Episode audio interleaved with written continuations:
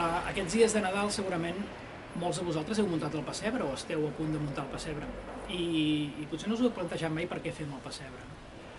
El pessebre eh, és una tradició popular relativament jove, però que té uns orígens molt més antics. Eh? Es, es feien pessebres com a, com a eh, objectes de devoció en els monestirs i en els convents, eh, molt antigament. Després aquests pessebres, eh, algunes famílies riques, algunes famílies nobles, van voler també fer això que feien les monges o els monjos o els, o els, els religiosos en els convents van voler-ho fer a casa i moltes famílies això acomodades, riques, eh, encarregaven figures a bons escultors i, i el pessebre era com un, com un, com un element d'ostentació social i eh, en aquests casos els pessebres a vegades eren elements de devoció també que els posaven per Nadal o a vegades eren simplement elements decoratius que estaven tot l'any posats a, a les cases, no? i per Nadal, per exemple, es, es posaven i es destacaven en un lloc.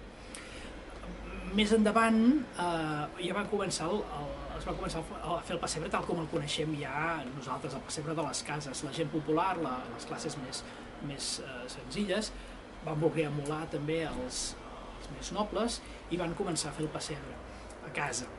Lògicament en figures molt més senzilles, en figures molt més simples, figures fetes moltes vegades per artesans de, de la terrissa, no? que es guanyaven un sobresou fent, fent figuretes senzilles de pessebre. A, aquest fet de fer el pessebre a casa, a més a més, coincideix en un moment en què la gent marxa del camp i ve a les ciutats, o sigui, quan se comença a construir les ciutats. Per tant, el pessebre tenia un element com de nostàlgia, de nostàlgia de, de, de la vida rural que s'havia perdut i es volia posar d'alguna manera aquella vida rural en el menjador de casa. Per això les figures populars, les figures més populars del pessebre, del pessebre representen els oficis, els oficis que feien la mateixa família que feia el pessebre, els oficis que feien els avantpassats. Per això trobem doncs, el, el llenyataire, trobem el, el, el sembrador, trobem els oficis del camp no? en el pessebre. Eh, eh, I d'això no fa pas tants anys, això deu fer uns 200 anys que es fa el pessebre a les cases, eh? és una, una tradició relativament nova. Eh? Uh, però molt seguida, eh? per tant hem, hem continuat fent pessebre sempre. Aquest fet de posar la natura, un paisatge idealitzat que enyorem en el menjador de casa, és un dels motius que ha fet que el pessebre sigui una cosa tan volguda i tan estimada.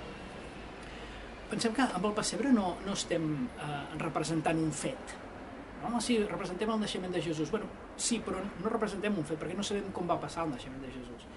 Estem representant un relat. Estem representant el relat que dos evangelistes, Lluc i Mateu, van fer del naixement de Jesús. En aquest relat que fan els evangelistes, ja fan una interpretació del naixement de Jesús, perquè no és un relat històric, sinó que és una interpretació teològica del naixement de Jesús. I nosaltres amb el pessebre el que fem és representar aquest relat. Per tant, estem representant una interpretació. Per això el pessebre, i de fet qualsevol manifestació artística relacionada amb el, amb el naixement de Jesús, és una interpretació.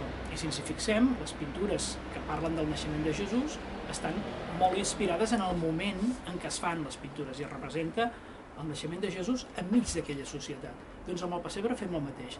Representem el naixement de Jesús enmig de la nostra societat.